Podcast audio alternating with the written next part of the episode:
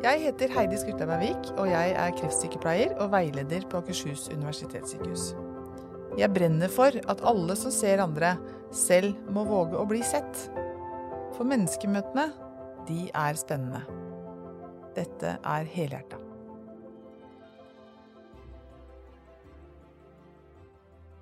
Bedrøvet. Det er det ordet som best beskriver min sinnstilstand gjennom dagen. Jeg kan ikke huske sist jeg våknet opp uten å føle meg bedrøvet, trist eller på en eller annen måte nedstemt. Hver morgen kjenner jeg på en uro og kanskje til og med en redsel, en ulmende følelse som sprer seg fra hodet og magen. Dette her er eh, den første delen av eh, fantastisk, eh, et fantastisk innlegg som ble lagt ut på Facebook i august 2021. Og det var du, Lars Erik Lund, som la ut det. Velkommen hit til Helhjerta. Takk skal du ha, tusen takk for invitasjonen. Eh, du har gjort det du, er, du er så modig som, som, legger ut et sånt innlegg, og, og, spesielt med tanke på kanskje den jobben du har, som er konserndirektør mm. i Veidekke. Jeg, jeg, tenker meg som mindre modig enn de fleste, da, siden jeg har den tittelen. men, eh, men, det er hyggelig du sier det. Men eh, jeg har, jeg, altså, jeg har, snakket med folk som jeg tenker er enda mer modige i akkurat uh, temaet mental helse. Ja. Snakket med folk som er mer modige? Fordi?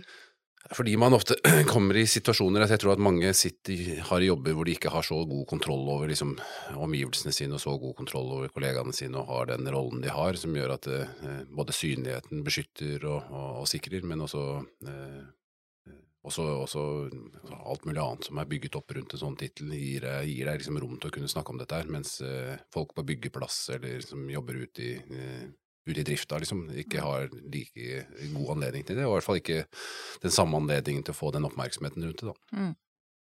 Ja, det kan du jo si, men samtidig så er det jo noe med at uh, når en, uh, en som har mye han skulle sagt, uh, sier det, så kan du, er, kan du, lettere bli hørt, men det jeg syns er så modig, er at fallhøyden din er større. Ja. og men jo, har, du har jo ikke falt i det hele tatt, har jeg forstått. Det, det, har gått veldig bra, dette her. Og jeg tror dette her det kan, kan, det handle noe om at vi mennesker, alle sammen, både de som jobber under deg og alle vi andre rundt i Norges land, trenger å ha noen som virkelig setter ord på det? For oss? Ja, det, ja det, dette her er jo Nå skal vi bruke de neste minuttene på å snakke om dette her, men dette her eh, er nok eh, sånn jeg oppfatter det. Altså Når jeg la ut den saken, så la jeg det egentlig ikke ut for å få oppmerksomhet. Jeg la det ikke ut for at eh, noen andre skulle reddes eller behandles. Jeg la det ut av min egen årsak, fordi at jeg mm. opplevde at jeg sto i en situasjon hvor jeg ikke lenger kunne holde på den hemmeligheten. Mm. Det er flere årsaker til det. Eh, både Veidekkes eh, liksom, arbeid med psykisk helse, som vi var over, sto overfor da, men også hvordan jeg personlig følte. Så min frykt var jo egentlig ikke hva folk skulle si om det, min frykt var at ingen gadd å lese det i det hele tatt. det, og det slo ganske fort feil. Det slo feil, ja. Eh, og så har jeg skjønt i ettertid at det er veldig Altså dette er jo i, i, mer eller mindre eller større eller mindre grad så er det noe man sliter med de aller fleste av oss. Mm. På et eller annet tidspunkt i livet så kommer man over en situasjon man syns det er vanskelig, og kanskje de som har levd litt lenger, har, har sett det mer enn de som er de yngste, mm. Eh, men, men, det gjelder alle.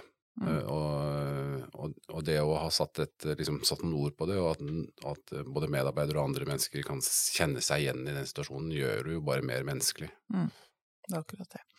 Du, du, vant jo Mental Helses åpenhetspris i 2021. Gratulerer med det. Takk skal du ha. Den henger høyt. Ja, det var veldig stas. Det var det, ja. Eh, ja. Mm. Veldig bra. Det du strever med, det er depresjon. Mm. Mm. Og eh, fortell hvordan den, hvordan den, arter seg for deg. For, for depresjon er jo ikke depresjon, det er jo så mye. Hvordan er det for deg? Uh, ja, altså jeg var jo ikke sikker på om jeg hadde Altså jeg, jeg, opplevde at det sånn jeg hadde det, egentlig var sånn alle hadde det.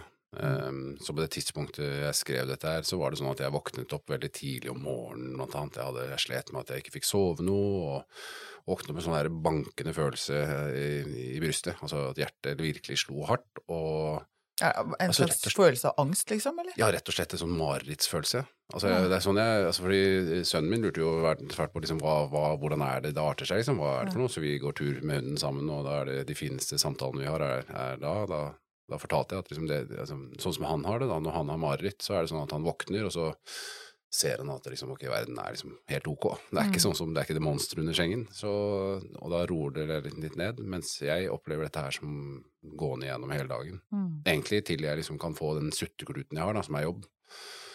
Uh, for jobb blir en sånn måte å liksom eh, Jeg kan mestre meg gjennom uh, verden. Eh, prestere gjennom verden. Mm. Så det, så i min depresjon er det, er det liksom Det er en ganske stor del melankoli og tristhet. Altså mye gråting på morgenen og mye gråting på kvelden før jeg legger meg. Og så er det en del med, med rett og slett meningsløshet og håpløshet. Sånn derre sånn intetsigende apati. Mm. Har du dette har du hver dag, eller? Alltid? Uh, ja, altså det er jo opp og ned hvor sterkt det er. Jeg har noen sånne morsomme ting jeg gjør. da. Jeg driver og skriver det ned i en dagbok, hvordan jeg har det. Uh, så da skriver jeg en sånn, har jeg en sånn altså, Analytiker Lars Erik kommer til verks. Da setter jeg en sånn skala nederst på papiret fra minus 10 til pluss 10, Mm. og så sirkler jeg rundt der omtrent jeg har det i. Sånn hadde jeg det i dag. Ja. Eh, og så har jeg vært igjennom, og så har jeg hatt det så morsomt den siste tiden at jeg tenkte at jeg skulle føre alt dette inn i et Excel-ark, som gode analytikere ja. gjør. Ja. Og så er jeg, jeg er aldri over, over minus to. Og så Er hadde jeg- det, nei? så jeg hadde en morsom diskusjon med psykologen sa at ja, men er du sikker på at dette jaget etter ti er liksom mulig i det hele tatt? Ja. Eller er det sånn at du kanskje liksom kan tenke deg at ok, det minus to kanskje er liksom Ja. Det er der man skal være. Så øh, Men det er en ganske spennende skala. Her på sykehuset, øh, vi som jobber med alvorlig syke vi har, øh, og, og sterkt skada, vi har jo en skala fra null til ti. mm, Eh, Men du har den altså fra minus ti jeg til ti. ja. Og det er ganske interessant. For, Mm. for, for, hvordan har man det når man er på null, tenker du? Er hvor, hvor er du da? Eh, Nei, da tror jeg jeg tenker at, det liksom, at jeg ikke bruker tid på å tenke på det. Altså, Ja. Fordi det er, det er jo det andre liksom, som er veldig rart med depresjon, er at jeg bruker så ekstremt mye tid på det. Altså, Mm. Og du blir så selvsentrert, for liksom alltid blir opptatt av bade, bade, liksom, Det er meg selv, liksom. Hvordan skal Mm. jeg tilpasse hverdagen min for at jeg skal ha det bedre? Hva skal jeg gjøre for at jeg har det bedre? Hva skal andre gjøre for at jeg har det bedre? Mm.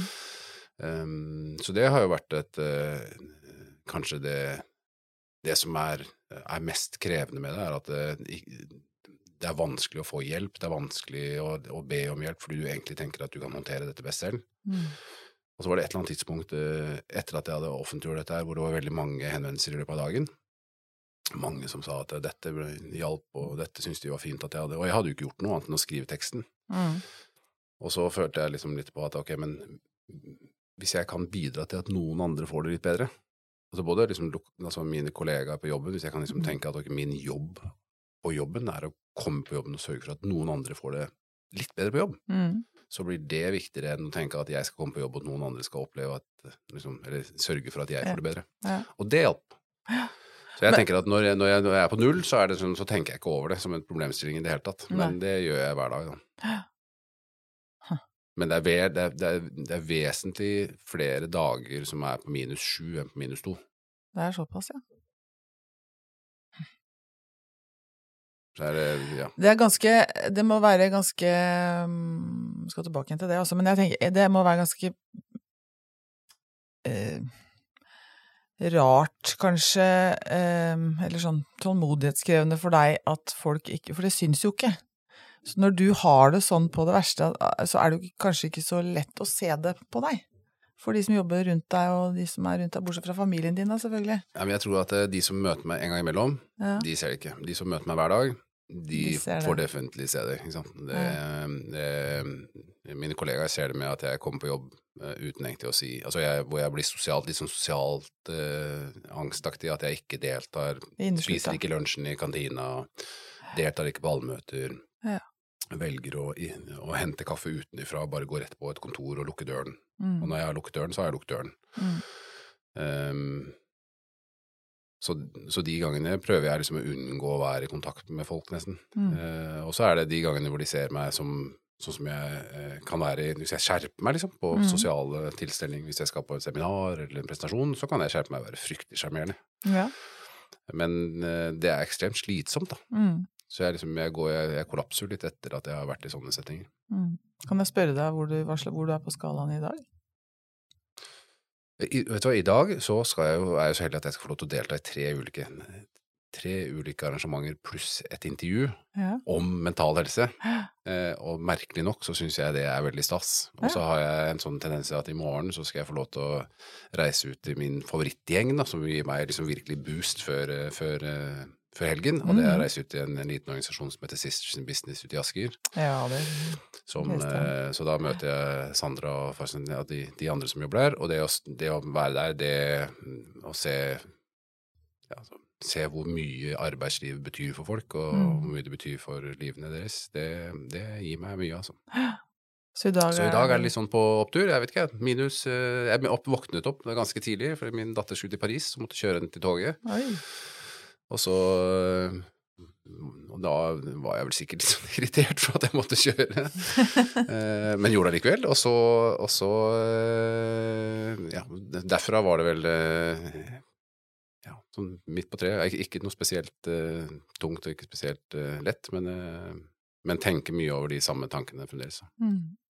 Så er jeg sånn, nå er jo jeg Det er jeg jo ikke spesielt åpen om, da, men jeg, har jo, jeg er jo jeg er jo medisinert. Mm.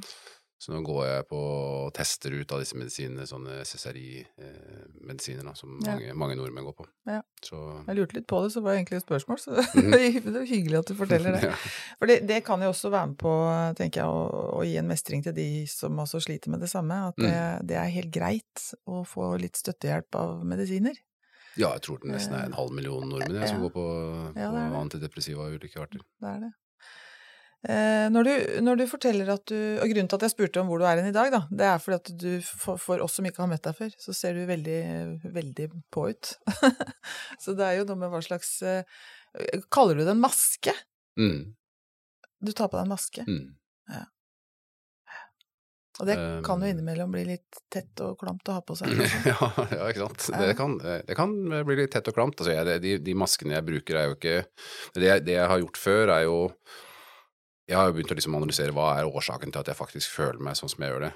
Um, og så tenker jeg at det, det, er en, det er en lang, lang historie bak her. Jeg har morsom med, med, med psykologen, som jeg sa til psykologen, at de trenger ikke å snakke om barndommen min, for den er helt perfekt. Og sånn, aha, la oss begynne med barndommen.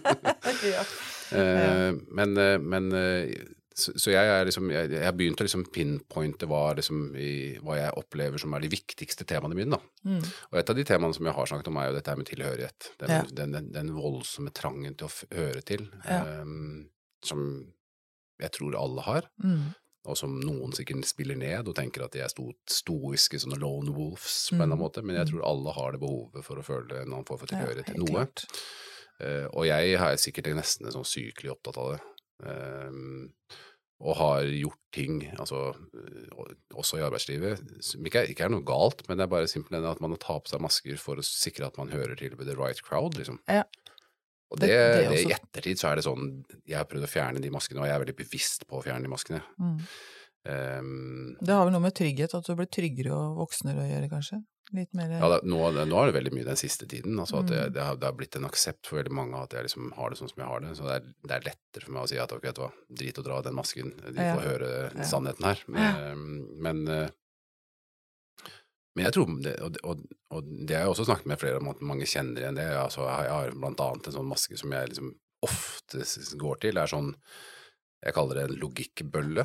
Mm. Altså hvor jeg kan gå inn i møte med folk og simpelthen bare ved hjelp av logikk og liksom rasjonell argumentasjon simpelthen slå i hjel argumenter. Ja. Altså virkelig få folk til å føle at ok, her er jeg bare tjukk i huet nok til at jeg ikke skjønner dette her. Mm. Og, og du gjør det egentlig bare for å liksom heve deg det hakket over, sånn at du vet at jeg er, jeg er, be, jeg har det litt, jeg er litt bedre enn deg, jeg er litt Mm. flinkere enn deg, og jeg, liksom har, jeg har makt over deg. Og, jeg, og, Mm. og, det er, og det er så skamfullt etterpå å tenke at fy faen, så jævlig dust du er. Mm. Ikke sant? Som ikke skaper de arenaene at det er liksom varmt og hyggelig å faktisk å være her. Nå, Mm. Ja, det, Men det er jo en, for det, det er jo det er jo en av mange mestringsstrategier man kanskje Mm. bruker. Og det, det har jo masse å si for et arbeidsmiljø, det der. Det er jeg så opptatt av. Vi skal snakke mer om arbeidsmiljø, for det er jo du veldig opptatt av. Dette, dette med hvordan man har det på jobb. Mm. Eh, men jeg tenker akkurat det du sier, nu- siden du nevner det med makt, da. At eh, maktbruk, det på en eller annen måte, det, det kommer jo av en eller annen form for sårbarhet. Mhm. Jeg tenker at det forekommer ikke maktbehov eller maktbruk, dårlig maktbruk, hvis det ikke er en eller annen form for sårbarhet hos den som utøver den maktbruken. Det er jeg ganske sikker på. Jeg tror jeg du treffer eh, liksom, vel, altså spikeren sånn som man i byggebransjen ville sagt, spikeren på huet. Ja, ja. Eh, Så det er nok eh, veldig, veldig riktig. Altså at man, man, man, har ikke noe behov for I hvert fall ikke Man kan ha makt, Mm. men å bruke makten til å få til noe, eller bruke makten overfor andre, det gjør du ikke uten at du faktisk har en sårbarhet hos deg selv som gjør at du liksom ikke ønsker å si det fra. Mm. Ja. Så det er egentlig en maske, eller en strategi, da, som man benytter seg av. Ja. Og jeg tror at hvis vi, hvis vi snakker om maktbruk og maktmisbruk eh, på den måten, og forklarer det med at her det handler om en sårbarhet, så kanskje også det kan være lettere å nå fram med et budskap om at kanskje vi skal prøve å utjevne dette her litt, Mm. bruke Mm. litt mindre makt. Mm. Fordi det, det, det, er, det blir en slags arroganse, eller det er jo en arroganse, når du, når du forteller det du gjør, med at du Ja, ja, ja. Prøver All, å få- alle, de, alle de elementene jeg bruker, er jo arroganser. Jeg kan bruke liksom veldig sånn øh, Humor kan være det. Ja, ikke sant. Typisk Mm. sånn, sånn veldig sånn veldig spiss og liksom nedlatende Mm. humor. Mm. Eh, som, som, som egentlig er bare en kjapp Det har jeg gjort siden jeg var bitte liten, altså siden jeg var i- bakerst i klasserommet på Holmen skole, liksom, og, Mm. og slenge små kommentarer. Liksom, du vet at du én scorer poeng på å være morsom, Mm. og to gjør noen andre litt disser mindre. noen andre. Ja. Um, eller, eller sånne ting å være he helt apatisk, altså bare si at jeg, dette gidder jeg ikke å ta med meg. Mm. Bruke, legg, ta frem telefonen i et møte, eksempel. Det er en måte å liksom si at dette her er jeg fullstendig uinteressert i. Og, og, Mm. og alt er jo bare for å liksom sikre deg selv, ikke, ikke nødvendigvis eh, bedre liksom arbeidsmiljøet. Da. Det er viktige ting, altså. Eh, Men vi skal, vi skal tilbake til det med arbeidsmiljø, men, jeg, men vi må ikke slippe deg helt. Du sier, du forteller at eh, du gråter eh, noen ganger om morgenen, og noen ganger når du legger deg. Mm. Eh, Jeg har hørt deg ha sagt i andre steder du har vært gjest, at du har det bra, egentlig. Mm. Eh, Sånn sett utenfra, i Mm. familien din og, og sånne ting. Du har egentlig ikke noe å være så lei deg for Mm. Sier du. Eh, nå har du snakka ganske mye om det høyt. Eh, det med, tenker du at det er sånn fortsatt? At, altså, at du har det bra, men at det like Altså at det er lov for deg å være lei deg, da? Selv om du egentlig ikke skal ha noen grunn til det, på et vis? Hvem er det som skal bestemme hvem, hva, hva, hva slags grunn du har? Ja, men det, er, altså det, som, det som styrte det avsnittet i den teksten jeg skrev, var jo på en eller annen måte at eh, det er jo mine forventninger til hva andre rundt meg tenker om min, min mentale lidelse, eller min, min mentale uhelse. Mm. Det er jo at man eh, Hvorfor i all verden, hva er det du har liksom, liksom fortjent gjort, som skal liksom, hvor du skal fortjene liksom, å si noe om depresjon? Eh, Mm. Du har jo ikke vært utsatt for noe overgrep, du har ikke vært utsatt for noe traume, du har ingenting som skulle tilsi, du har ikke fattig, du sliter ikke med lønn, sliter ikke Så alt er jo liksom perfekt sånn sett. Mm. Som gjør det egentlig nesten mer skamfullt da, å ha det sånn. Mm. Det er altså mer enn det å faktisk ha en, en rolle eller en konserndirektørtittel, så er jo det nesten verre. Mm. At, at, at, eh, at man opplever at eh, det eh, Hva skal jeg si At det livet du har, og den, alle disse tingene som egentlig liksom er, er, alle de behovene som er dekket. Da. Du har dekket Mm. tak over hodet, du har barn som er friske og raske, du har liksom eh, en kone som er glad i deg, og du er glad i henne. Liksom, alt er liksom sånn, sånn sett uh, perfekt. Så hvorfor i all verden er det liksom uh, hvis Eliminasjonsmetoden tilsier jo at du ikke skal ha det så fælt. Mm. Um, men det har vært sånn skamfullt, og det er jo det, det egentlig, egentlig en av de tingene som er litt vanskelig med det, er jo at du, depresjonen er liksom i kjernen av dette her. Uh, og så tror vi, da Nå er jeg jo gjennom utredning også hos DPS i Asker, så vi får se hva det ender i. Uh, Utredning på, på Nei, altså for, nå, Vi starter vel ganske bredt, da, altså Mm. både for, for ADHD, bipolaritet eller om Det er faktisk en, en, en mer sånn generell depresjonslidelse. Ja. Eh, og så, det, er det som er kjernen i det. Og så velger man, og så er det andre utenfor, blant annet det med at du er redd for at du blir avslørt for å ikke kunne det du gjør. Eh, det ligger knyttet til på utsiden av det. På utsiden av det ligger også en sånn hva er forventningen til andre hvis du faktisk er deprimert? Er det ene at du liksom de tenker gjøkered og, eh, Mm. og sånn tvangslidelser, eller tenker er det, er, det, er det det at du liksom du egentlig ikke fortjener å ha det sånn? mm. Altså, og når jeg først tjener, så mener jeg at du, du, det å gå rundt og liksom kalle deg selv deprimert, blir litt sånn teit når du liksom har det så fint, og du har fin bil og alt er klart. Mm. Det er veldig teit. Og så er det sånn at når, du, når, når jeg da var åpen om depresjon, så ble det så mye lettere å si ja, dere drit i det, drit i det. Mm. Sånn. Det hadde ikke noe betydning lenger. Nå kunne jeg adressere akkurat det problemstillingen som veldig mange andre har. Ja. Sånn. Så det er, det, ja, det er nok eh, det er nok det som gjør det vanskelig med depresjon, er at det er en det er, Sånn som jeg oppfatter, og som jeg snakket om tilhørighet tidligere, er at det, det å lide av noe, det å ha noe med deg selv som du selv vet om, som du tenker at det ikke gjør deg fortjent til den kjærligheten andre skal liksom gi deg, Mm. det er jo det som er skam. Så hvis vi går rundt med en annen følelse av et eller annet, «Ok, det er sånn jeg føler meg, Mm. jeg tør ikke å si noe om det, fordi hvis jeg sier det, da vil jeg ikke eh, være fortjent til den tilhørigheten jeg egentlig har lyst på. Ja. Mm. Det er det som egentlig Og der, der ligger alt av problematikk rundt, rundt eh, stigma og skam rundt mentale lidelser, tror jeg. Og det med skam, skambegrepet, det er jo, det er jo så stort da, ikke sant? Altså, og så er det liksom, hva gjør man med den skammen man kjenner på? Mm. Så er det veldig mange som gjemmer seg bort istedenfor at du gjør Det eneste veien ut av skamkompasset, da, som vi snakker om Mm. i helsevesenet, Mm. det er jo å snakke om det. Ja, ja, altså det, Men- men det er- skammen overlever jo ikke i åpenhet. Nei, ikke gjør ikke det. Ikke? Hvis du setter Så, lys på det, så blir det ja. jo borte. Ellers så er det fort gjort å gjemme seg bort eller skylde Mm. på andre, eller Mm. det er mora og faren min sin skyld at jeg er deprimert i dag, liksom. Mm. Mm. Det er noe med det. Ehm, jeg vet ikke helt hvordan jeg skal spørre om det her, fordi at det, eh, fordi at jeg har kanskje ikke hatt det sånn. Jeg kan også gråte om morgenen og om kvelden og kjenne at jeg er sliten eller at det er et eller annet, men hvis jeg gråter, så vet jeg, kan jeg adressere det til noe. Mm. Eh, men når du, når du forteller dette her, så betyr, betyr det da at du gråter, og, og kjenner, du gråter fordi du kjenner på det tungsinnet, men du har egentlig ikke noe, noe sånn konkret å adressere det til? Er det sånn? Ja, altså det er, det er egentlig det tungsinnet bare det, det, på en eller annen måte bare skygger overalt. Det blir som en Mm. slags stor, diger sky. Så, så de, de tårene som kommer, er jo ofte Og det kan jo det kan være ulike andre ting, men jeg, jeg er nok sikkert også lettrørt. Men, men, ehm, men når man er med seg selv og liksom ikke har andre rundt seg, eh, Mm. Så kan eh, et musikkinnslag på radio eller en podkast som liksom adresserer disse tingene, faktisk minne meg om hvordan jeg har det, og så kan jeg Mm. liksom kjenne at nå, nå renner Noen ganger er det ganske godt å gråte, og liksom Ja, det er det. greit, det er, liksom, det er sånn jeg har det, og noen ganger så er det ganske tungt. Uh, og, og, og da, de gangene det er tungt, er jo når du faktisk skal adressere Det er én ting Grunn, som liksom, liksom. at Det er en grunn til det. Mm. Kan jeg mistrives med det, eller jeg har ikke noe ålreit med det, eller Mm. dette syns jeg er vanskelig. Men, eh, men det er jo et signal på altså det er, i hvert fall For meg så er det et eller annet symptom på at ikke alt er helt mm, på, på, på, på det tørre, holdt jeg på Alt er liksom ikke helt ok. Skjønner. Mm. Um, du snakka også om, om at du kjenner på det med melankoli. Mm. Uh, og det Jeg syns det er så fint ord. uh, selv om det jeg, Det oppleves sikkert ikke så fint. Men det, veldig mange kunstnere Mm. snakker jo om melanko, en, en melankoli Mm. når de maler, eller når de skriver, eller når de skriver sanger, skriver musikk. Er det Og litt sånn over til, til For å dra det til deg, da. Du, er, du sitter og er konserndirektør i Veidekke. Er det mange var det 6000-8000 mennesker? Ja, altså Veidekke ansetter har, har sysselsetter nesten 8000, ja. Ja. Mm.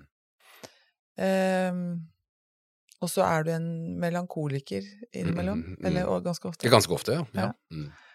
Ehm, hva er det Eller er det noe sånn uh, kreativt, eller hva er det i melankolien som driver så mange både kreativt og i det yrket ditt Du må være kreativ for å ha den jobben din nå, på, på et noe vis. Altså, hva Mm. er det som ligger i, i melankolien, liksom? Hva slags styrke er det?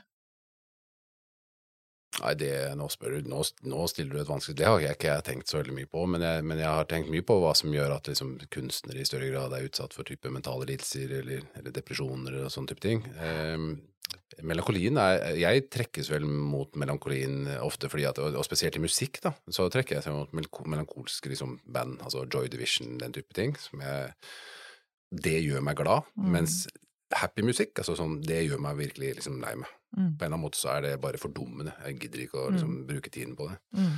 Så jeg dras jo mot det melankolske i den form, også mot uh, det melankolske i form av TV-serier eller, eller den typen bøker, for den saks skyld, Mm. altså, som er i, i, i det leiet. da, Mørk, mørke ting. Mm. Det er jo ikke fordi at jeg nødvendigvis liksom Jeg tror ikke det henger sammen med depresjonen, kan være, men jeg tror rett og slett at i min litt sånn twisted mind, og så er det egentlig gir meg lykke. Jeg tror at noen av de tingene, noen av de jeg leser eller, eller ser på, er jo også så eh, sånne, sånne situasjoner hvor du ser at de har det verre enn det du har det. liksom. Mm. Og kan Mm. veie opp for det. Har du hørt det nye til Madrugada? Mm. Er det, er det der du er? Ligger, er det der du Ja, altså, ja da, ja, ja det òg. Altså, jeg liker veldig mye norsk musikk om dagen. Ja, det, herregud, det er nesten sånn at jeg liksom eh, tenker at eh, Tenk deg når Chris vi- Holsten. Ja, ja ikke vi vokste opp på liksom 70-80-tallet, og da var det liksom eh, kids. Ja. Og så nå får du liksom Sondre Justad og Cezinando, og du får liksom Arif, og det, det og, og så liksom Jeg kan relatere til den musikken man, man spiller nå. Men hvis jeg skal gå tilbake, så er det jo sånn Depeche Mode, Mm. Uh, spesielt Joy Division, Smiths, Morrissey, den type musikk. da. Mm. The Cure, som var liksom på glaset, Ja. Mm. ja, interessant. Men men hva er det som hva, For å si det på en annen måte, da. Hvordan, og hvordan har du greid å komme deg til den jobben du har, eh, når du har hatt det såpass eh, tøft? Du, det, det spørsmålet er stilt på en annen måte til meg før. Det er liksom hvor hadde du vært hvis du ikke var deprimert? Mm. Eh, eller ha, had, har det sånn som du har det, da. Mm. Jeg, hadde, jeg hadde i hvert fall ikke vært konserndirektør. Altså, fordi det, jo, det, ligger jo, det ligger jo en drive i det at man er redd for at andre Mm. kan avsløre det, ved at du faktisk jobber lenger enn andre, mer enn andre, for å få til det så perfekt Mm. som det du Mm. vil ha det. Ja. Eh, det ligger noe i form av at eh, Min depresjon er også sånn at jeg, jeg har det er jo, det er jo snev, liksom, angst, depresjon, de er tett på hverandre, så det jo, jeg har jo noen sånne angsttendenser i forhold til at jeg, på søndager må jeg på jobb. Jeg må starte jobben på søndag, for jeg er livredd for hva som skjer på mandag. Det har jeg vært siden jeg startet jobben. Syns det er ordentlig ubehagelig å sitte på søndag og tenke at jeg ikke er forberedt til, Til mandag. Til, til mandag. Mm. Mm. Så da går du inn, og så jobber du, og så er du mer forberedt enn mer liksom, eh, tilpasset det. Pålogga, liksom. ja, så jeg har blitt flinkere til det, men, men jeg tror at det, jeg tror at depresjonen i seg selv eh, ha, altså Hvis jeg ikke hadde hatt det sånn som jeg hadde, så hadde jeg ikke giddet å jage en sånn karriere. Nei. For det ligger noe drive i, i det å, å ha den formen for, for depresjon. Mestring. Ja. Mm. Mm. Ja, så det er rett og slett at jeg har mestra meg ut av ting. Ja. Eh, så liksom, jeg tror Hvis eh, du hadde spurt min kone, så hadde hun sagt at sutteklutten din, Ashek, eller liksom the pacifier, det er jo jobb. Mm. Så jeg, kunne, jeg kunne på søndag være sånn skikkelig sånn angstridden og liksom skikkelig på edge tidlig om morgenen på søndag, og så drar jeg på jobb, og så pff, ok, Ja. nå har jeg ting i orden. Nå, nå kan jeg kontrollere ting. Har du hatt det sånn bestandig? Nei, jeg tror ikke det. Jeg, jeg, jeg bruker jo tid på å skrive om min om, ah, Det er en annen årsak, jeg skriver på min egen eh, barndom, men, men, eh, men eh, jeg snakker mye med mor om det, om hvordan var jeg som barn. Og hun er sånn ja, Du var jo bare en veldig blid, følsom fyr med Mm. lyst, pistrete hår som rota det borti masse rare ting hele tiden. Eh, som toåring syklet med trehjulssykkel ut i badebassenget fordi du ikke skjønte hva badebasseng det er. Sånn, så det var liksom alltid sånn, Du måtte ha fire øyne på deg og følge med deg hele tiden hvor du var hen og hva du gjorde. Mm. Men du var stort sett alltid blid, veldig tillit til folk. Og jeg sa Mm. jepp, det blir jeg med på. Mm. uansett om du var i butikken og det var en fremmed mann som spurte, liksom, så var det liksom ja, ja, jeg er med på det. ja. Så det er jo Nei, jeg var nok ikke sånn. Og så har det jo over tid liksom sikkert skjedd hendelser som, som gjør at man, man har blitt mer, mer redd for det. Nå er jeg jo sånn at jeg det er, I min verden av planlegging så er det katastrofetenkningen som ligger, ikke sant. Det, hvis jeg skal til tannlegen, så tenker jeg jeg har i hvert fall 25 høl. Mm. Helt sikkert. Mm. Så her gjelder det å planlegge. Mm. Og så blir jeg veldig positivt overrasket når jeg kommer og sier nei, det her var det ingenting. Ja, Så er det sånn, så du gir deg selv en gave med å bli positivt overraska? Ja, og så er det jo sånn som de fleste andre sier, hvorfor gidder du liksom plage deg, så er det liksom fem dager med å være redd for det når du mm. Når det allikevel, du kunne jo sluppet det. Altså, liksom Fakta er jo fakta, det er jo, Mm. det er jo den situasjonen der. Du trenger jo ikke å forberede deg så mye, men jeg gjør det. da. Jeg forbereder meg negativt til alt. Også Mm. presentasjoner, åssen det er å komme hit. Mm. Så katastrofemann. Så, så det å komme hit kunne ha gått at du sier noe dumt, da, eller? Ja, altså det er sånne ting som at jeg kunne Nei, jeg sier noe dumt, jeg er vel ikke redd for, men, men eh, at det var spørsmål jeg ikke kunne svare ordentlig på, eller at jeg fremstår som litt dust, at jeg liksom, jeg liksom ikke er helt eh, Ja, ok, han høres jo ikke så innmari sånn og sånn, eller så det, altså, Rett og slett hvordan andre oppfatter meg, men, men det begynner med at jeg har jeg nok strøm i bilen til jeg kommer fram. Mm. Der begynner det liksom. Ja. Jeg må gå og lade litt. Og så, jeg, så kjører jeg tidsnok til at er det kø? Og så er det sånn, og så er det sånn hvor skal jeg parkere? Og så er det sånn, så, så da begynner jeg å tenke ja, det er sikkert full, det er helt sikkert full parkering. Mm. Så, så alt er liksom sånn, og så er det jo ikke det. Nei. Så jeg, jeg vet ikke på hvilket tidspunkt jeg ender om å ikke ta det sånn, men, men sånn har jeg tatt det. Ja. Hvordan har du hatt det under pandemien da? Har den vært eh, en eh, trigger, liksom? Nei, jeg, jeg tror pandemien Først så, så syns jeg jo det nesten var som å ha en sånn evig påskeferie. Den der 12. mars var sånn wow! Liksom, Ja. Nå er det hjem og passe på at man har, har bokser med vin tilgjengelig og sånn. Ja. Men uh, det gikk raskt over. Så, så, så det som er vanskelig med pandemien for meg, er jo, er jo at jeg ikke er jo den frykten for hva andre tror når de ikke får reaksjoner. For jeg blir jo liksom paranoid, jeg. Mm. Ikke sant? Du vet sånn sende en tekstmelding, og så får du ikke svar. Mm. Og så har du sendt et eller annet til en eller annen som du tenker at å, nå får jeg sikkert svar, og så får du ikke svar, så ser du på telefonen, så Ja. svar, så, og så begynner tankene å gå på hva, hva er årsaken til at svar ikke er kommet. Ja. Det er jo sånn for mange liksom, i sånn pandemi at du liksom, du, den måten å kommunisere på med korte meldinger Mm. på Teams eller mail eller andre ting gjør at du ikke har den reaksjonen. Da. Du kan Mm. ikke se hva slags reaksjon det er.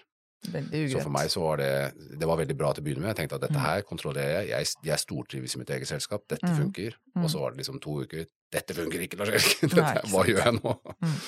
Og så ble det Ja, så det er eh, Så du, du, du kjenner at det, det hjelper eh, At det er bra for deg å ha den derre den, den menneskemøtet, da.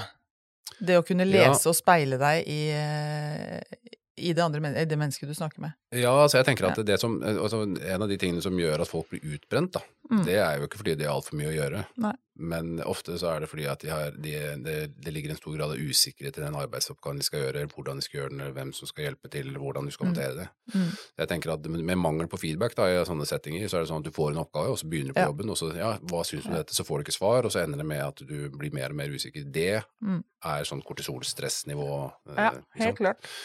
Så jeg Altså det foredraget jeg jobber med å, å snakke masse om, de tre temaene som jeg er opptatt av, det er jo ene er å skape en eller annen form for tilhørighet. Mm. Det andre er å, at folk må ha en mening med det de gjør. Mm. Og det siste er liksom redusere usikkerheten. Altså bli enige om hva liksom, arbeidsoppgaven omfatter, hva man skal gjøre, og hva, hvordan det vil se ut når det er ferdig. Mm. Eller som hun Brené Brown omtaler som 'paint it done'.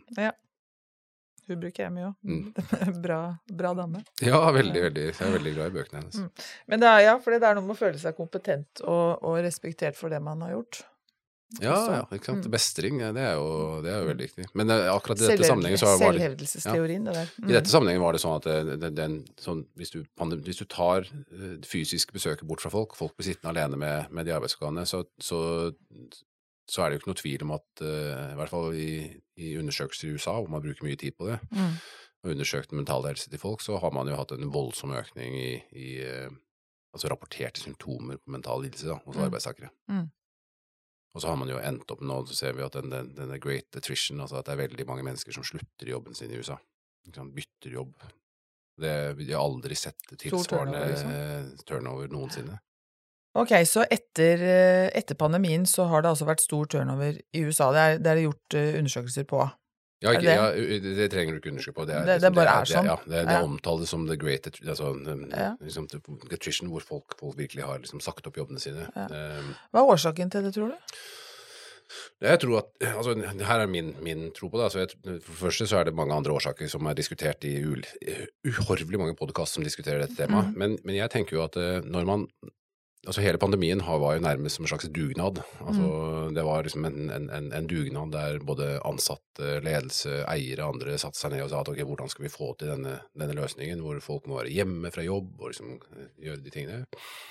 Og så når man da avslutter pandemien og sier at nå skal folk komme tilbake på jobb, så Mm. begynner man å si at nå skal vi begynne på akkurat samme måte som vi gjorde før. Ja. Sånn skal vi gjøre. Men vi skal ha litt mer fleksibel arbeidsplass. Mm. Eh, og folk var sånn ok, greit, det er bra, da kan jeg noen dager liksom være hjemme, passe på barna, andre dager være på jobb. Ja. Eh, og så sier ledelsen ja, men ikke på mandager og fredager. Da må dere være på jobb. Fordi hvis dere ikke er på liksom, kontor på mandag og fredag, da Ja. vet vi at da drar dere på hytta. Ja. For sånn er nordmenn. Ja. Vi har ikke tillit til at dere liksom gjør jobb på mandager og fredager da. I hvert fall ikke på hytta. Ja. Og da tror jeg man allerede har satt det til den, den, den settingen at ok, her har vi vært igjennom en svær liksom, dugnad der vi har prøvd å holde bedriften flytende, liksom, og så Mm. kommer vi tilbake, og så har dere faen ikke til, unnskyld, har dere ikke engang tillit til at vi liksom gjør jobben vår Mm. mandager og fredager. Mm. Dette er jo helt håpløst. Mm. Da, sånn tror jeg man har opplevd i USA også. Altså at Mm. Samme opplevelse av liksom mangelfull tillit. Ja. Og så er det masse andre problemer i USA med veldig lav lønninger hos de som Ja. er liksom, men, Ja. men akkurat det med det, det tror jeg, det tror jeg er Det kan være årsak til, til den store turnoveren? En av ja, de? altså jeg en synes, av de. det, er masse, det er masse temaer på arbeidsmiljø jeg syns det er veldig ja. fascinerende. Jeg synes jo liksom for eksempel det at man går rundt og kaller det kompensasjon, synes jeg er veldig rart. Jeg, synes, jeg, jeg, jeg kan ikke noe for det. Jeg, vet ikke hva jeg ofrer på jobb, jeg, som gjør at jeg skal få bli kompensert på det. For jeg ofrer jo ingenting. Det er jo livet mitt, det er jo det jeg driver med. Ja. Jeg håper jo da at folk har lyst til å gå på jobb for at de har lyst til å gå på jobb, ikke fordi ikke at de skal liksom ha det som en stor pendlerreise mellom mandag og fredag. Du setter altså ord på eh, alt det eh, folk tenker på, tror jeg. Fra du kom inn døra her, så har du liksom satt eh, ord på sånn helt sånne eh, små strøtanker som folk ofte har, og noen av de strøtankene setter seg av og til litt mer, og så får vi, det ikke, får vi ikke sagt det helt, og så du sier det. Ja, men så hyggelig. Det er så Mm. utrolig bra. Det er nok en av grunnene til at du, når du har valgt å være åpen, du valgte å være åpen nå i august om tilstanden din, eller hvordan du har det, og så har du i løpet av det siste, siste halve året bare blitt headhunta overalt av alle som kan få tak i det, til å snakke om det. Eh, ja, det er, stor, det er virkelig en stor gave, det mener jeg. Både til enkeltmennesket, og ikke minst også fordi at du er så opptatt av arbeidsmiljø, da. Eh, så er det en stor gave for store bedrifter og små bedrifter. Du må ikke si sånne ting. Jeg er, en lettrørt mann. Ja, blir... bare, bare gråt. Jeg er opptatt av det er, det er en god ting. Og lette litt på trykket. Ehm, eh, men Mental Helse har jo gjort en undersøkelse som viser at fire av ti arbeidstakere ikke informerer arbeidsgiveren sin om at de sliter psykisk. Eh, Det syns jeg var en urovekkende greie å lese. Si litt om hva du tenker rundt det, du. Uh, ja. Det, det, her, er- det, det, overrasker meg jo ikke at det tallet er så høyt. Jeg ville tro nesten at det var høyere. Mm.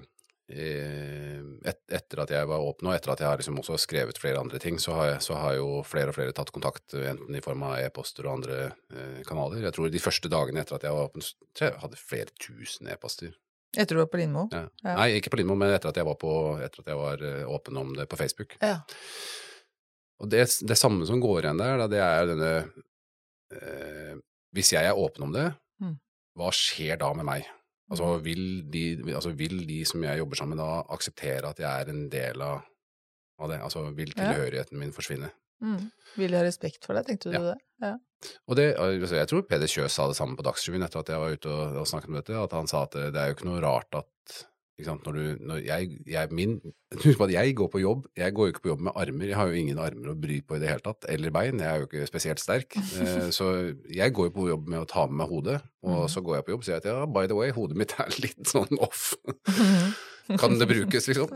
Så det er jo klart at det Og så skal jeg ta rasjonelle beslutninger, ikke sant. Mm. Ikke, helst ikke involvere følelser, og da tenker jeg at ok, da må du være en regnemaskin. Mm. Eh, og så syns jeg det er litt sånn dust, da. Jeg syns rett og slett det er ganske teit.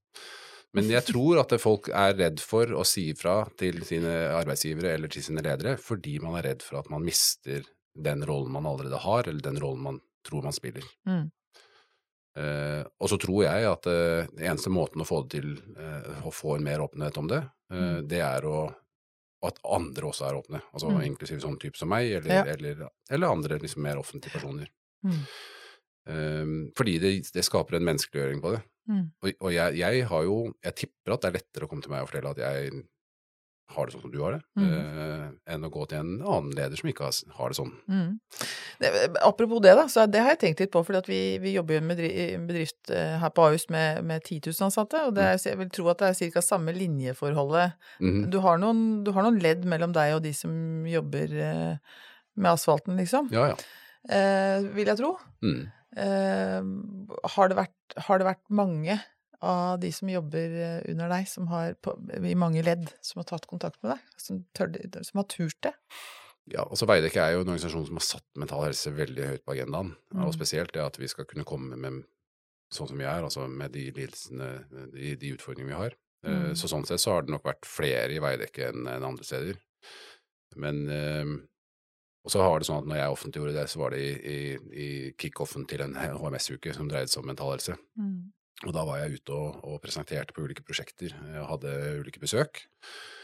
Eh, og i ettertid, eh, etter å ha vært på de, de samtalene, så, og snakket jeg også med bedriftshelsetjenesten hos oss, altså vår bedriftslege som heter Kjell Åge, han, han sa altså det samme, at folk, det, bobler jo. Det kom jo ut med en gang. Mm. Med en gang vi snakket om disse temaene, så ble det veldig et sånt snakkistema. Alle Ja. har jo det, det utfordringen, altså enten det er en mandag eller en tirsdag, et eller annet, så ja. er det utfordrende. Ja. Og jeg tenker at intet problem er for lite, intet for stort. Her er liksom om du, om du syns det er vanskelig at du er liksom litt stressa på fredager, eller syns det er problematisk at du er deppa på onsdager, Mm.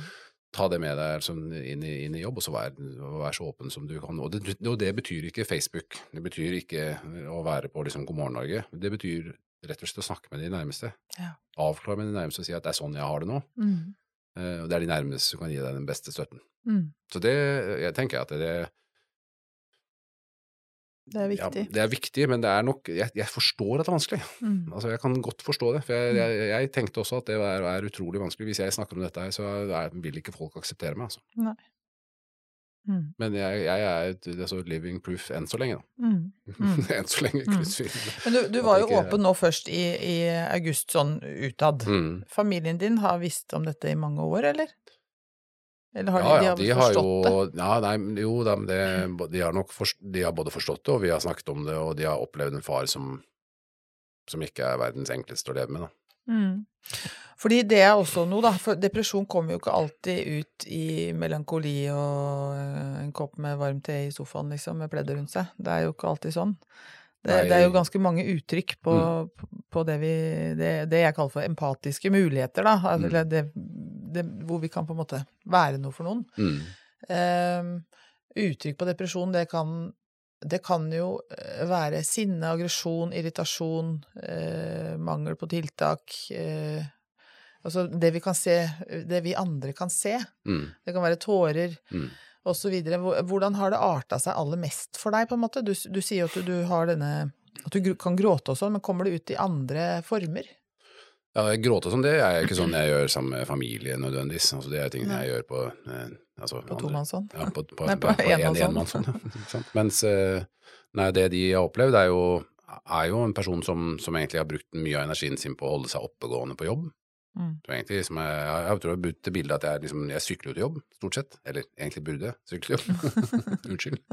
Så jeg, jeg har med ryggsekk, og så kommer jeg på jobb, og så setter jeg fra meg ryggsekken, og så er jeg egentlig Lars-Erik jobb. Og Mm. så er jeg ferdig med Lars-Erik jobb, og så går jeg ut og så tar jeg på meg ryggsekken, og den inneholder jo depresjonen og alt dette andre utfordrende elementene. Så min familie har jo hatt, eh, hatt den skarpe enden av dette, opplevd det. Mm. Eh, og det er eh, et så, voldsomt raskt skifte mellom det å være helt happy til å Mm. bli veldig sint og irritert. Mm. Det er et ekstremt lavt, eh, liksom kort lunte på ting. Eh, Mm. veldig irritabel, altså ting som kan irritere. Veldig sånn at eh, eh, ting som ikke går som, som jeg har forventet, eh, eh, kan virkelig vippe meg av pinnen. Altså, Mm. Eksempler er at jeg liksom kan ha en ribbe stående i ovnen som ikke blir ordentlig sor på, eh, og så smeller jeg igjen kjøkkendøra og smeller igjen ovndøren, og så går jeg, forsvinner jeg. Bare går. Eksplosiv, Jeg bare liksom. stikker, liksom. Mm. Eh, og hvis du lurer på om jeg er skamfull over det, ja, definitivt. Og det er jo Mm. veldig leit. Men akkurat der så, så virker det som det eneste fornuftige. Liksom ta meg ut av ligningen, sånn at jeg liksom ikke passer, for jeg ødelegger Ja. stemninga. Ja. Mens det som ødelegger stemningen, det er jo barn som ser en far som de ikke vet helt hva som skal liksom Skje, ja. Ja, hva skjer nå han, liksom? Mm. Uh, så det Opplevde de det som litt sånn trygt eh, Eller hvordan opplevde de det da du eh, fortalte de hvordan du har det? Eller da, da Det er litt forskjell på, for jeg har jo to ganske voksne barn, og så har jeg en litt eh, mindre gutt, så så jeg vet ikke hvor mye jeg skal gå inn på det, det er jo tross alt familiært, men, det, Mm. men, eh, men jeg opplever at de to eldste har jo levd med meg så lenge at de kjenner det igjen, og han, han minste trengte nok litt mer forklaring på hva det var for noe. Mm. Mm. Mm. At det er sånn marerittlignende. Ja. Mm. ja. Men på jobben så eh, så har du jo Du sa du tok på deg ryggsekken, og så Eller tok av deg ryggsekken på jobb, så var du liksom i jobb, Lars Erik. Og, og da var det mindre av de reaksjonene der, da. Ja, i en lang periode så var det jo det. I veldig mange år så har jeg liksom klart å holde liksom arbeidstiden til det, og så har jeg liksom selv håndtert eh, liksom vært tatt med meg rustningen, altså i form av en Mm. dress eller, eller liksom Maska vært, di. Maska mi, Mm. og vært på jobb. Eh, men et, altså, man blir eldre. Uh, når jeg har blitt 50 år gammel, 52, uh, og det, etter hvert så er det sånn at jeg klarte ikke å skjule det på jobb heller. Um, og det kjente de igjen, at det liksom, her kommer det en person som egentlig ikke sier hei i resepsjonen. Mm. Uh, går rett i heisen, spiser ikke lunsj med de andre, sitter på kontoret og spiser matpakken sin, gjør jobben sin, lukker døren, er avsondret. Da. Også, Mm. også i møter. Altså, jeg hadde vel sånne møter hvor de kunne oppleve at jeg, de fikk én reaksjon på et arbeid den ene dagen, og så akkurat det samme arbeidet fikk en annen reaksjon den andre dagen. Liksom, Mm. ok, hvem er det jeg snakker med nå? Mm. Så når jeg var åpen, så var, var det flere av mine medarbeidere som sa at det, det er litt lettere for oss nå å forstå at det ikke er vår feil Ja. Ja. at det var sånn, men at eh, dem Duft selv hadde dumme, det sånn. liksom. Ja. Mm. Hva, hva, hvordan har det vært eh, sånn eh, i etterkant, når, når du endelig nå da sa det til dem, hvordan, hvordan du hadde det, så, så er det jo lettere for de å forholde seg til det, men er det lettere for deg å være jevnere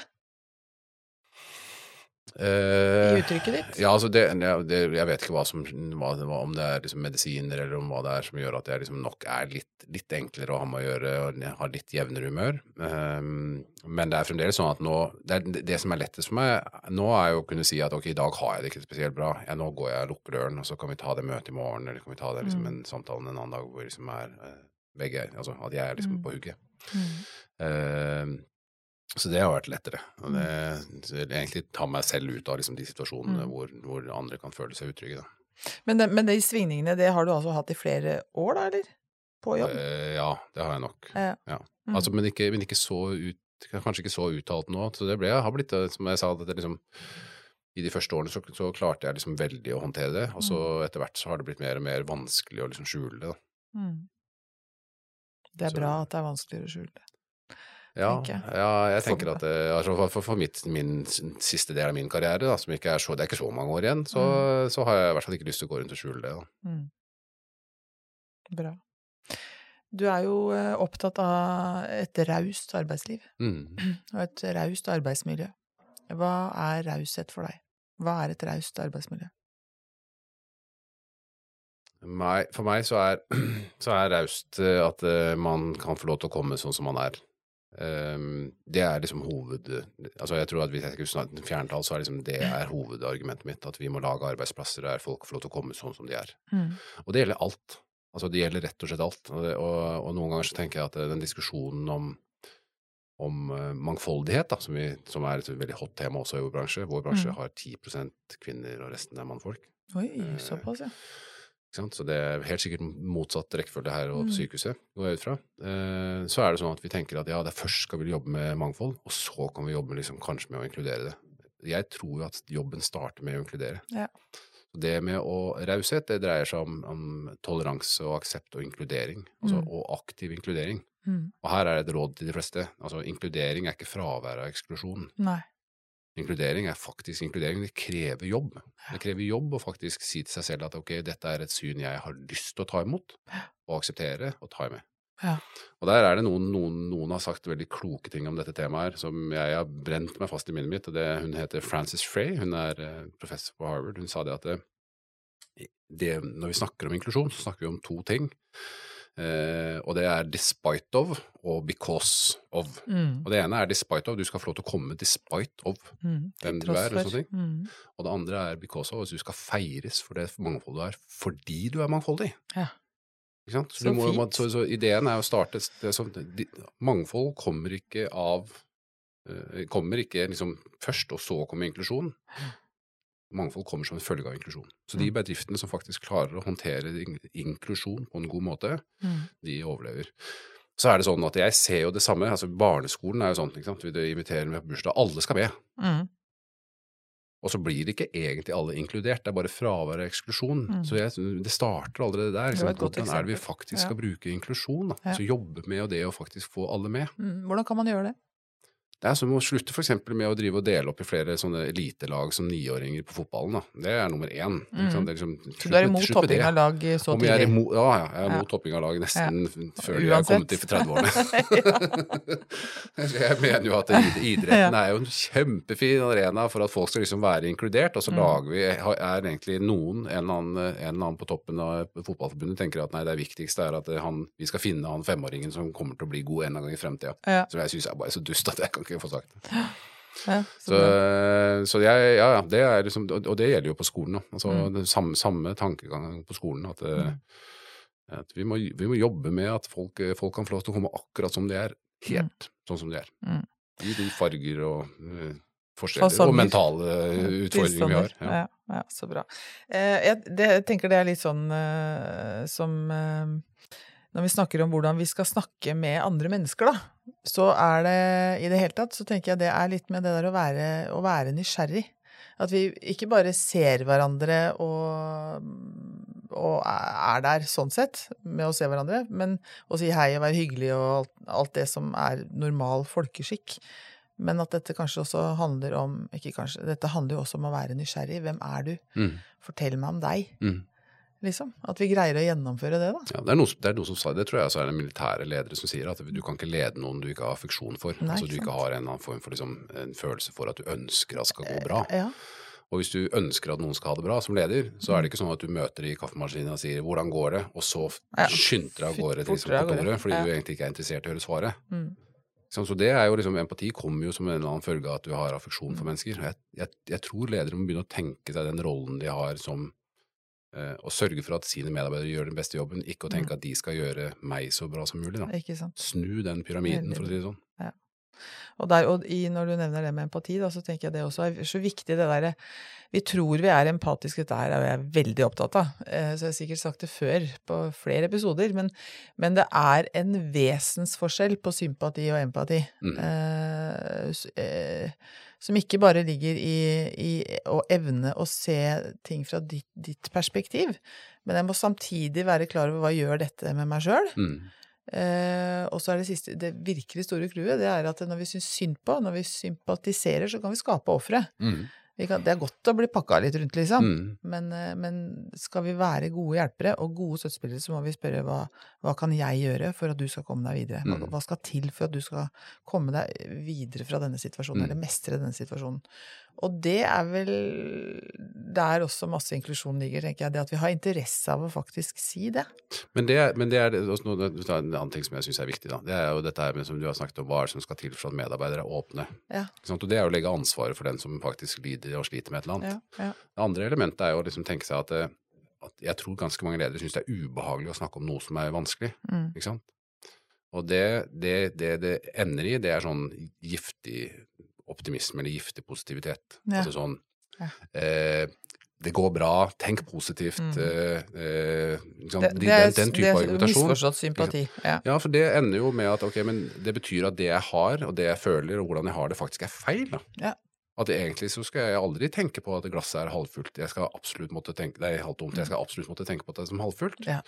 Og jeg har liksom vært sånn en, en, en ganske outspoken i forhold til at jeg syns det er sånn positiv optimisme med å ta deg sammen og tenke positivt. Deg, og, liksom, ja, så, ja. ja, sånn der, den, den eh, sånn coaching-mentalismen som folk har, da, som Ja. tenker at vi kan liksom tenke oss liksom til en bedre helse. Ok, det, that's not gonna happen. Altså. Jeg er så enig med deg, det der. Det er for, det er for lettvint. Ja. Det begynner ikke bare med deg sjøl på det planet der. Det Nei, og så er det sånn at, og så er det sånn at de depresjonene vi har, må vi ofte leve med over tid. Ja. sånn at liksom, Det kan være greit å liksom ikke tenke på som veldig skamfullt å faktisk lide av, av Ja. disse greiene. At Ja. det må fikses umiddelbart. Er det, der er det liksom det å, det å ha forståelse for det. Liksom, Mm. og, og tenke at ok, men man har en rasjonell empati. Jeg snakker Mm. ikke om en sånn emosjonell empati, at man liksom blir fryktelig lei seg av at Lars-Erik er trist, men at man rasjonelt kan se det, forstå hva det betyr, og tenke at ok, men dette er en person som, som trenger støtte der hvor den trenger støtte, men jeg må først og fremst høre med Lars-Erik hva er det han trenger, da. Ja, det er akkurat det. Og fordi det, eh, det har jeg satt, på, satt opp som spørsmål men forberedte meg til denne samtalen, det er hva det er, jo, det, ikke, det er ikke ett svar på det, men, eh, men for deg, da, når du kjenner på det veldig tungsinnet eh, Hva trenger du da? Syns du det er godt å bare få lov å være helt i fred aleine, eller syns du det er fint at det kommer bort eh, noen til deg og sier eh, ikke Kanskje ikke sier noe, men bare ser på deg og viser at jeg ser deg. Det, det er greit, jeg er her for deg hvis du vil det. Eller, hva, eller trenger du at noen prøver å dra deg ut av det, eller hva, hvordan ønsker du å bli møtt? Jeg har snakket med mutter'n så mange ganger om dette. her. Moren, ja. moren min er sånn Ja, hva, hva om du prøver Hva om du prøver sånn? Tusen Et eller, et eller annet sånn husmorstips, ikke sant. Så er det sånn Ja, men hva om du prøver sånn? Så er det liksom jeg, Det jeg tror du forsøker å gjøre, det er å fikse meg. Og det jeg trenger, det er å kunne snakke om hvordan jeg har det. Mm. Og, og for deg til å lytte.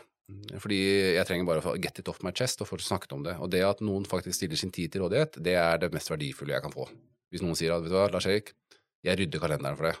Nå setter vi oss ned, stikker ut tar en kopp kaffe, så prater vi litt om det, og så kan vi prate om noe annet etterpå. For eksempel karbonhjul på sykkelen din, eller noe sånt. ja.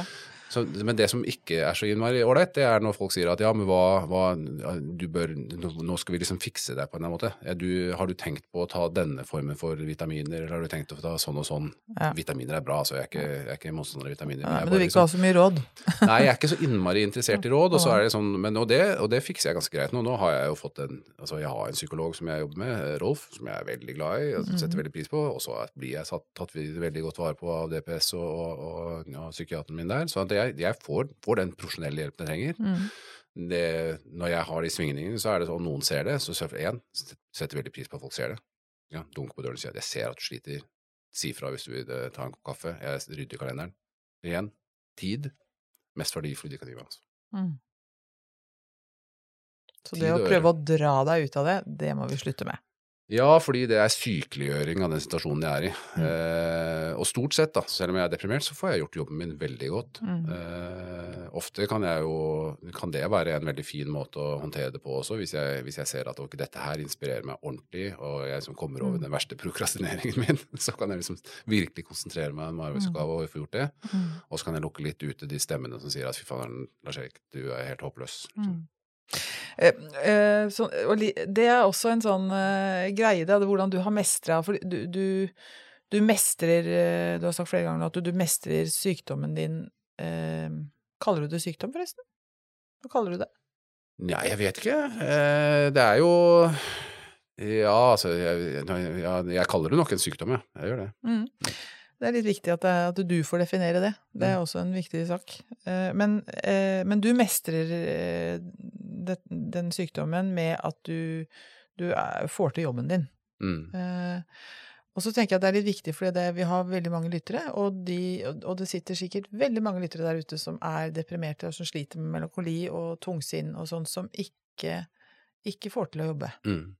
Og det tenker jeg er viktig også at vi sier at det er også, Mm. det, det er også en sannhet som er helt eh, plausibel, liksom. Det er helt Ja, ja. greit. Og det, og, det, Eh, og det ser vi også, vi som er, vi Ja. som er deprimert, som har funnet løsninger, liksom. Enten jeg har funnet mindfulness, Ja. eller jeg har funnet liksom, trening som er veldig viktig. Du må bare komme deg på sykkelen og sykle 120 mil, liksom. mm, Eh, det er jo ikke sånn. Det er jo, folk, folk er jo veldig forskjellige, måten man håndterer det på. Så det er jo Igjen da, så må du tilbake til liksom, affeksjonen for det enkle individet som man Mm. snakker med. Altså, hva er, det som, hva er det du egentlig trenger, og hva kan vi gjøre for å få deg til? Men, Mm. men jeg er fremdeles der at vi bruker 37,5 timer. Mm. Eh, jeg har jo tider brukt opp til 100 timer i uka mm, på jobb. mm, Eh, og det er klart at det er en viktig del av livet vårt. mm. Eh, så, og, og for veldig mange så er det jo sånn at depresjonen starter i at man ikke er, kan være på jobb, og så blir det også verre. Så det er jo sånne steder som Fontenehuset, for eksempel, som jeg syns er en, en helt unik jobb i Norge og i verden, for å Mm. faktisk få, uh, få mennesker tilbake å liksom føle seg meningsberettiget og ha, ha en betydning, da. Ja. Um, du ser det også Sister in Business, hvor viktig det er. Liksom, at man er, liksom, føler at man er del av, av det norske samfunnet. Så, er det, så jeg tenker at eh, det er jo ikke bare den enkelte medarbeider eller den som lider av en, eh, en depresjon eller ADHD eller eh, Mm. bipolaritet eller andre ting, Mm, og faktisk gjøre noe med, med seg selv sånn at de skal aksepteres på jobb, mm. men at jobben skal gjøre noe for at de skal akseptere meg sånn som jeg er. Ja, kjempeviktig. Og så hvis man klarer å få til det, så tenker jeg at det- det er færre som blir igjen hjemme og, og tenker på stigma og skammen og at man har det sånn som man er det, og liksom la være å være på jobb. Men de som er arbeidsgivere der ute, da, som har, Mm. som har medarbeidere som, som, eh, som sliter med dette, Mm, og som ikke har greid å komme seg i jobb ennå, mm. eh, hva tenker du kan være en eh, god måte hvordan, hvordan kan en god måte å starte på for den arbeidsgiveren være? Ha en bedriftshelsetjeneste som Veidekar. ja. Men hva slags Mm. hva, hva kan Altså, vi skal jo eh, Man skal jo være Det må være, ha en raus en raus, Være en raus leder, da. Mm. Eh, så handler det om å favne og være nysgjerrig på hvordan Mm. er det for deg og sånn. Men, Mm. men hva, kan, hva kan jeg si, hva kan være riktig å si til et menneske som sliter med tungsinn? For at jeg skal være motiverende, og ikke At jeg ikke på en måte skal være Tvingende tilbake. Devaluerende, da. Nei, nei. Altså jeg er igjen tilbake til at tid er, tid er det viktigste. Altså det, er, det, er, jo noen spørsmål man kan, kan ta. En er jo at man ikke stiller spørsmål som, som er på en ledende i en, en annen måte. Har du det bra? Det tilsier jo at man bør helst ha det bra. Så det går an å stille spørsmålet på en annen måte, hvor man ikke må svare ja eller nei på et eller annet sånt positivt eller negativt ladet ord. Man kan stille spørsmål med hvordan har, har, du det. Jeg ser at du har det sånn. Mm. Hvis du har nok interesse til at du ser det. Og så må man se folk i øya når man sier det. Man ser folk i øya, og så må, man, gjøre, må man ha tid til det. Liksom, man mm. må sette av tid til liksom, ok, jeg har tid til å faktisk stille det spørsmålet nå, for jeg vet ikke hva slags mm. svar jeg får. Um, og igjen, altså, en av de fineste tingene jeg vet, nå, og det vet jeg flere andre her, det er at vet du hva, jeg har satt, jeg, har, jeg kan rydde kalenderen min for deg. Mm. Jeg har tid til det. Mm. Jeg, jeg, og det er ikke, jeg er ikke opptatt av liksom, at bedriften skal få deg tilbake, sånn at du er produktiv medarbeider. Jeg er opptatt av hvordan du har det, du, hva, mm. hvordan du skal ha det, hvordan du, du, du skal få til dette her. Um, og så får man ta den, den diskusjonen derfra. Men, jeg, men, ikke vær så redd med å, å snakke om det. Og, og, det er jo den samme diskusjonen vi har hatt om, om, om den selvmorddiskusjonen, hvor det er veldig mm. mange som sier at ja, jeg tør ikke å stille spørsmål om du faktisk tenker på selvmord, i fare for at du liksom setter en idé i hodet på den personen. Det er, folk går ikke rundt og liksom ikke har tenkt på selvmord, og så er det sånn Jøss, det var en, det var en god idé. Da, da man tenker på det, liksom. så det å stille det spørsmålet er jo Det kan jo stikke hull på veldig mange byller. Mm. Altså faktisk Og å vise at du forstår men det krever jo nå at, liksom, at ledere tenker at de er på en eller annen måte holistiske 365-ledere. De har ansvar for de menneskene som kommer på arbeidsplassen i, i sitt fulle og hele bredde. Da. Mm. Ikke bare hvor produktive det er. Altså, mm. Vi må slutte å tenke på eh, folk som kommer på jobb som arbeidskraft. Ja, for vi de er rett og slett individer. Ja. Jeg er veldig opptatt av noe som eller, Når vi snakker om oss sjøl på jobb, så, så, um, det, så, det, har vært liksom så mye greier med det. Er vi privat, personlig, profesjonell? Hvor, hvor er vi igjen i landskapet, liksom? Og hun var litt for privat, og hun var litt for Ikke sant? Sånn. Og jeg tenker at det, eh, vi, det, vi kan skille litt, selvfølgelig, på det på å være helt privat eller profesjonell. Men jeg tror så mye mer på den der helheten av mennesket, som du sier, holistiske, så, vi, så, kan vi heller tillate oss å være profesjonell nær. For i det så ligger det å være varm mm. og åpen, og så bestemmer du hvor, hvor, ditt, hvor, mye av ditt innerste du skal dele, liksom. Mm. Um, og i, i, det, da, så tenker jeg at jeg er ikke bare Heidi kreftsykepleier Heidi eller veileder Heidi eller eh, podkaster eller mamma eller kjæreste eller mm. hva det er. Jeg, jeg, er jo alt det der til sammen. Mm. Og det har jeg å by på mm. til deg som mitt medmenneske. Eller til deg som min, eh, min gjest her, mm. eller, eller, på jobben. Mm. Og det hele, hele der, mm. det håper jeg så inderlig, altså. At vi kan liksom begynne, å, begynne å være liksom mer, ønske det mer velkomment. Da kanskje vi tør å fortelle litt mer om, om oss sjøl. Og samtidig så kommer vi til å gjøre en så mye bedre jobb. Fordi at vi får lov til å slå ut vingene og fly som den vi er, rett og slett. Eh, og jeg har lest så masse innlegg som du har skrevet både på Facebook og i, i, i eh, aviser og litt av hvert. Eh, eh keep on, altså. Skikkelig bra. Så hyggelig. Takk skal du ha. og du er i en posisjon som blir hørt. Så du må bare fortsette med. rett og slett. Eh, I denne podkasten her så har vi eh, to, eh, to poster som jeg er litt glad i å komme inn på. Det ene er et godt menneskemøte, Lars Erik. Du har sikkert opplevd veldig mange av de, det har vi jo de fleste når vi har runda 50. Og tidligere også. Men, men hvis du skulle trekke fram et menneskemøte som har betydd noe sånn ekstra for deg, Eh, mm. Kan, du, kan, du, liksom komme på noe? Altså, jeg, jeg, dette har jeg ikke sagt til noen, men jeg skal ta det veldig langt tilbake. Jeg skal ta tilbake til da jeg begynte i Speideren ja. i, når jeg var liten. Eh, og jeg husker vår speidershop, første Slattum speidershop liksom, i Nittedal, eh, hadde en speiderleder som het Kai Eriksen. Og jeg, jeg, tror nesten hele min sånn lederfilosofi baserer seg på Kai Eriksen. Kai Eriksen han var en speiderleder som sa at dette her fikser dere. Eh, jeg tror på dere. Dette her ordner dere selv. Jeg husker vi var kjempegodt. Vi var på sånn kretsleir helt bort, sikkert bort på et eller annet sted mot svenskegrensen. Og så var alle de andre speiderne satt ved vannkanten med redningsvester og alt sånt, bortsett fra oss som kom fra denne speidertroppen. Og så kom Mm. det en sånn speiderleder bort og sa ja, du må ta på redningsvester. Hvilken speidertropp er dere fra? Nei, vi er fra første stratum. Ok, greit. det var sånn. Såpass, ja. Ja, nei, fordi det var, det var liksom gjengs, da. At den, den, han, han ga oss så mye ansvar for å gjøre ting, og, og, og alltid lot oss liksom prøve grensene hvor mye vi turte og orket og tenkte og sånne ting. Og jeg er helt sikker på at alle de samme mine speiderkollegaer eh, tenker det samme, at eh, det er en person vi alle sammen så voldsomt opp til. Så drev han sportsbutikk en periode, eh, og så etter hvert så avsluttet han karrieren som eh, kirke, Var det han som drev den sportsbutikken i Nittedal?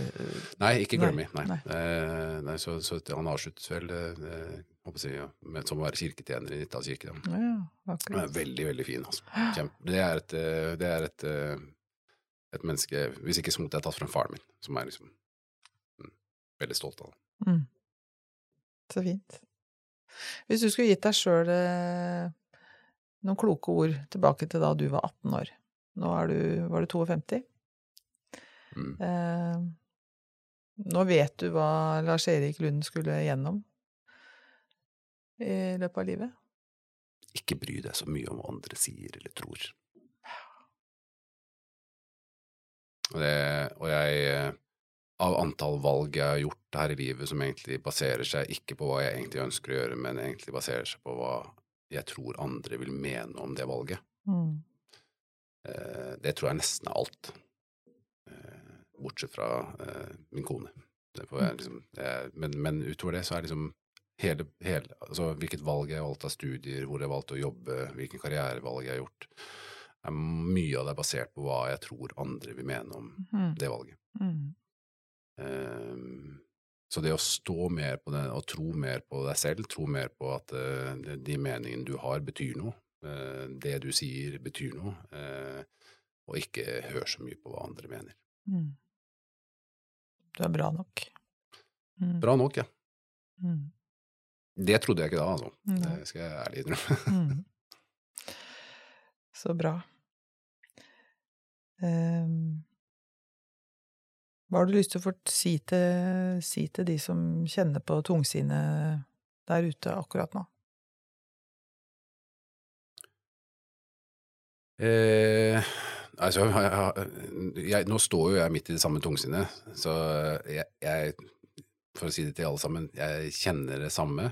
Um, helt sikkert ikke helt likt som dere, uh, helt sikkert på en annen måte. Uh, jeg er her hvis noen har lyst til å prate med meg. Man kan finne kontaktdetaljer og andre ting. uh, hvis de har lyst til å sende en e-post eller andre ting. Jeg svarer på stort sett alt. Eh, Eh, og så vil jeg si at det, altså, så er det, sånn, det jeg ikke vil si, det er at det, det, blir lys på andre siden, for det kan ta tid. Det kan liksom, men det, men det, altså, jeg mener jo at det fins hjelp å få, eh, Mm. enten i form av medmennesker som du kan snakke med, eller i form av profesjonell hjelp. Eh, så eh, Det er et lys der, du må bare kanskje finne noen til å vise deg veien. ja, og så er det, altså på noen måter så er det jo noen ganger at altså, jeg har brukt litt tid på det, tenke at liksom, jeg skal trives i dette mørket òg. Ja. Ikke sant? Det er eh, eh, Jeg vet ikke hvem som sa det, men jeg tror ja, altså, Psykologen min som sa det, men jeg vet ikke hvilken pasient han snakket om. eh, eller ikke pasient, men jeg tror han snakket om en person som hadde sagt det, at det liksom den, den derre evige jagen etter eh, en eller annen sånn perfekt verden av lykke, det må vi slutte med. Ja. Eh, vi, vi eh, Og det jeg syns jo jeg, jeg, det har sagt før også, at jeg, hvis, du, hvis noen går inn på min Instagram-profil, så tror jeg de fleste ser en ganske vellykket fyr som sitter sykler mye. Mm, det så jeg. mye lyker av. Mm. Og, og jeg håper jo at uh, Altså, det som er rart, at jeg ser, jeg ser ikke på meg som det. Så jeg ser på meg som et helt menneske. Så bak den lille firkanten som er liksom Instagram, som er helt foran på meg, så er bak det så er det mye annet. Mm. Og så møter jeg deg, som har en Instagram-profil, og så ser jeg liksom en sånn lite bilde av det. liksom Vellykkede turer. Jeg har ikke vært der og sett det sånn. Men vellykkede turer til liksom, liksom Hva det skal være? Ja, toppturer, eller hva det skal være. ikke sant? Så man, Mm. Å gud, hun, det, hun har jo et helt perfekt liv. Hvordan skal jeg matche det? Vi er bare så mye mer, da. Det er Sånn, også vi bare en liksom- maske, vet Vi setter på sånne masker, og, så, og så dunker vi disse liksom litt harde fasettene av hverandre mot hverandre og tenker at ja, ok, det var bra. Mm. Eh, og så liker vi det bildet, så liker vi det bildet istedenfor, så blir man redd for at man ikke har liket nok, og så liksom blir selvtilliten bygget opp av det. Jeg Mm. tror at man skal liksom ja, begynne å se at eh, alle disse andre tingene som kommer bak, altså alle de feilene vi har gjort, alle de erfaringene vi har tatt med oss, alle de tingene som, som gjør at vi blir deprimert eller lei oss eller, eller sliter Mm. med, det er verdt å se òg. Det er vakkert, det òg. Mm. Det er vakkert å være, ha, ha disse skavankene. Og så, mm. folk hater jo perfeksjon. Det er jo ingen som liker perfeksjon. Nei. Du eneste du liker perfeksjon hos, det er oss selv. Mm. For vi skal være perfekte. Mm. Så når man da liksom tenker at eh, Jeg, tror storebroren min hadde en T-skjorte da vi var liten, så jeg, trodde at 'nobody's perfect, but who wants to be a nobody'? Mm. Så, så autentisitet og ass. ektehet og sånne Mm. ting, det kommer jo av at vi har imperfeksjoner og erfaring. Mm. Så feire det, tenker jeg. Eh,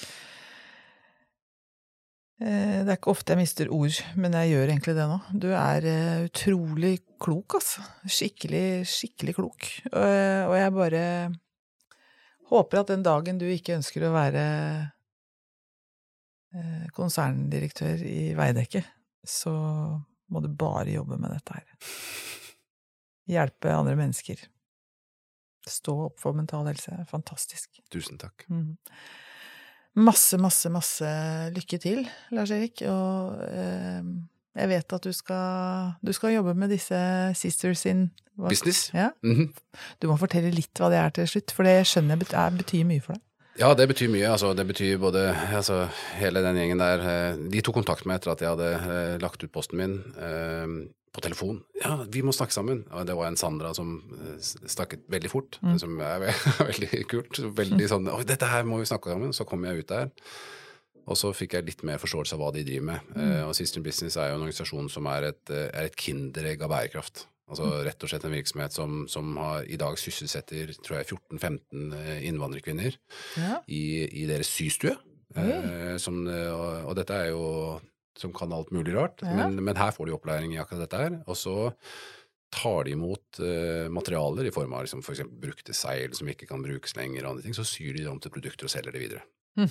Så hvis du reiser ned til Arendal i sommer eller Kragerø i sommer, så tror jeg liksom i Amundsen-butikken der så finner du helt sikkert en sånn veldig kul seilveske. Nei, så kult. Så det, det vi jobber med hos oss, er jo, er jo med Veidekke, er jo at vi ser jo at vår bedrift har, har en stor utfordring i forhold til ganske mye materialer og, og stoffmaterialer, altså tekstiler som vi, ikke, som vi enten må kaste eller, eller gjøre andre ting med. Ja. Og så har vi lett etter måter vi kan gjøre noe med det. Eh, og da kommer altså Sisters in Business opp med noen gode ideer som vi, vi virkelig nå eh, setter fingeren på og ser om vi kan få løst. Så, det, som er, det som er kult, er at de tar noe som er et avfallsprodukt, eh, produserer til noe som er verdifullt, altså oppsirkulerer det, ja. men samtidig gjør det på en sosial bærekraftig måte. For dette er jo, dette er jo kvinner som i, i andre tilfeller ikke ville hatt jobb, ikke hadde hatt muligheten til å finansiere huset sitt, ikke hadde Ikke hatt muligheten til å finansiere bil, ikke hadde hatt Mm. mulighet til å ha barna sine på fritidsaktiviteter. Apropos. Ja.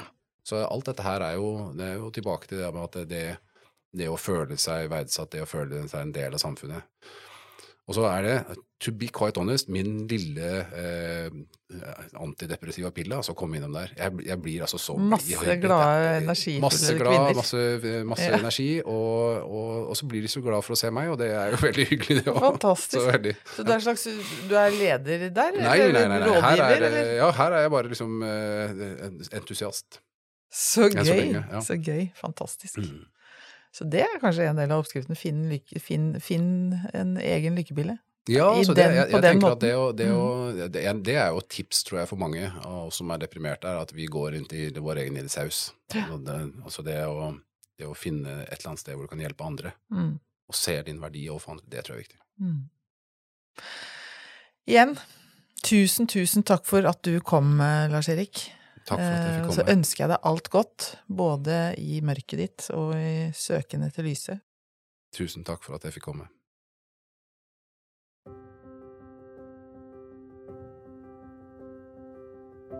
Helhjerta er en podkast fra Kompetansebroen, en digital plattform for kompetansedeling i helsetjenesten. Personer som blir omtalt i pasienthistorier, er enten anonymisert eller har gitt samtykke til deling.